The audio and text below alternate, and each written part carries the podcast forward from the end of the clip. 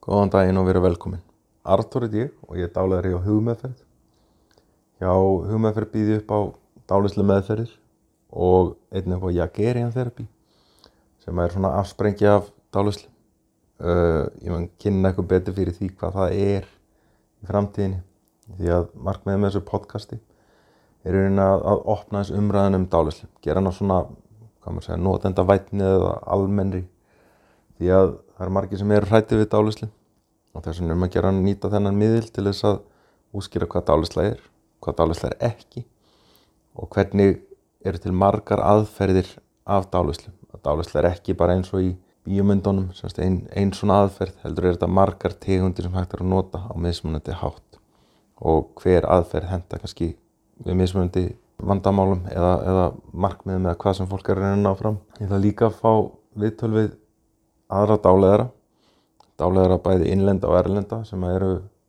að vinna við meðferðavinnu og líka við einstaklingar sem hafa notið góðs að því að fara í meðferð. Sem sagt hafa notið góðs á dálæslunni á einhvern hátt, hvort sem sé með í meðferðum eða sjálfsdálæslu eða hefur einhvern veginn hjálpað þeim í lífinu. Svo ætla ég líka að ræða við einstaklingar sem að eru kannski að byrja upp á annars meðferðir, einhverju huglega meðferðir, að hvaða tókan sem það er en í öðrum þættinum þá ætla ég að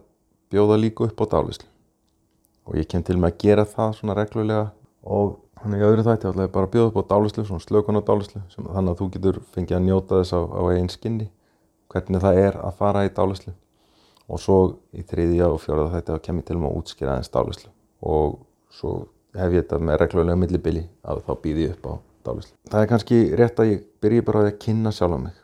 að ég heiti semst Artur Artursson og ég læriði dálislu árið 2015 svo fór ég að læriði meðferðardálislu árið 2016 og hef unni við dálislu meðferð síðan þá. Ég stopnaði þá strax hugmeðferð sem er meðferðarstofan sem ég er og þar hef ég verið að taka á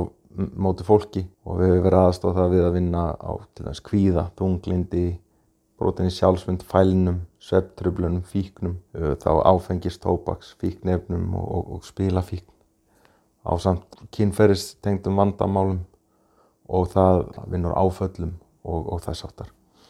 Þannig að, að það er mjög breyður skali sem ég hef verið aðstofa fólk við, mjög mikið með kvíða, þunglindi og þess áttar vandamál. Ég kem til með að, að segja ykkur frá því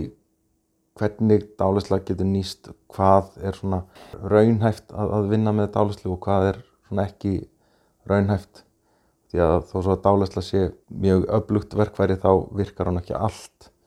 og ég ætla ekki að reyna að halda því fram að þetta sé svona að hún geti aðstofað við allt og leysi all heimsins vandamál því að það er ekki trúleis því að dálisla er bara eins og hver annu meðferð að hún er tæki hendar mörgum, ekki öllum og eins og allar aðra meðferðir. En eins og ég segi þá ætla ég að bjóða upp á dálislur og bara í öðrum þætti þá ætla ég að bjóða upp á svona slökundálislu sem að snýst bara í raunum það að fara í slökun,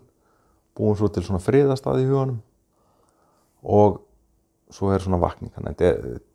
tekur einhverjar mínútur sem að þannig að þau eru bara verið næðið þegar þið hlustið á þetta og bara endilega ef þið hafið áhuga á dálslega meðferðum að kíkja það bara á síðuna mína sem heitir hugmeðferð.is eða á Facebook síðu hugmeðferðar meiri fróðuleikur þar á heimasíðunum minni getið fræðist aðeins um dálislu og þess að það og einnig ef ykkur langar að prófa dálislu þá getið panta bara tíma og ég held að það sé bara ekkert meira að það sinni þannig að við sjáumst þá bara í næsta þætti og verðum tilbúin að fara í dálislu og höfum bara gaman að sjá vegferð og, og njóta menna saman. Þannig að bara takk fyrir að sinni. Njóta vel.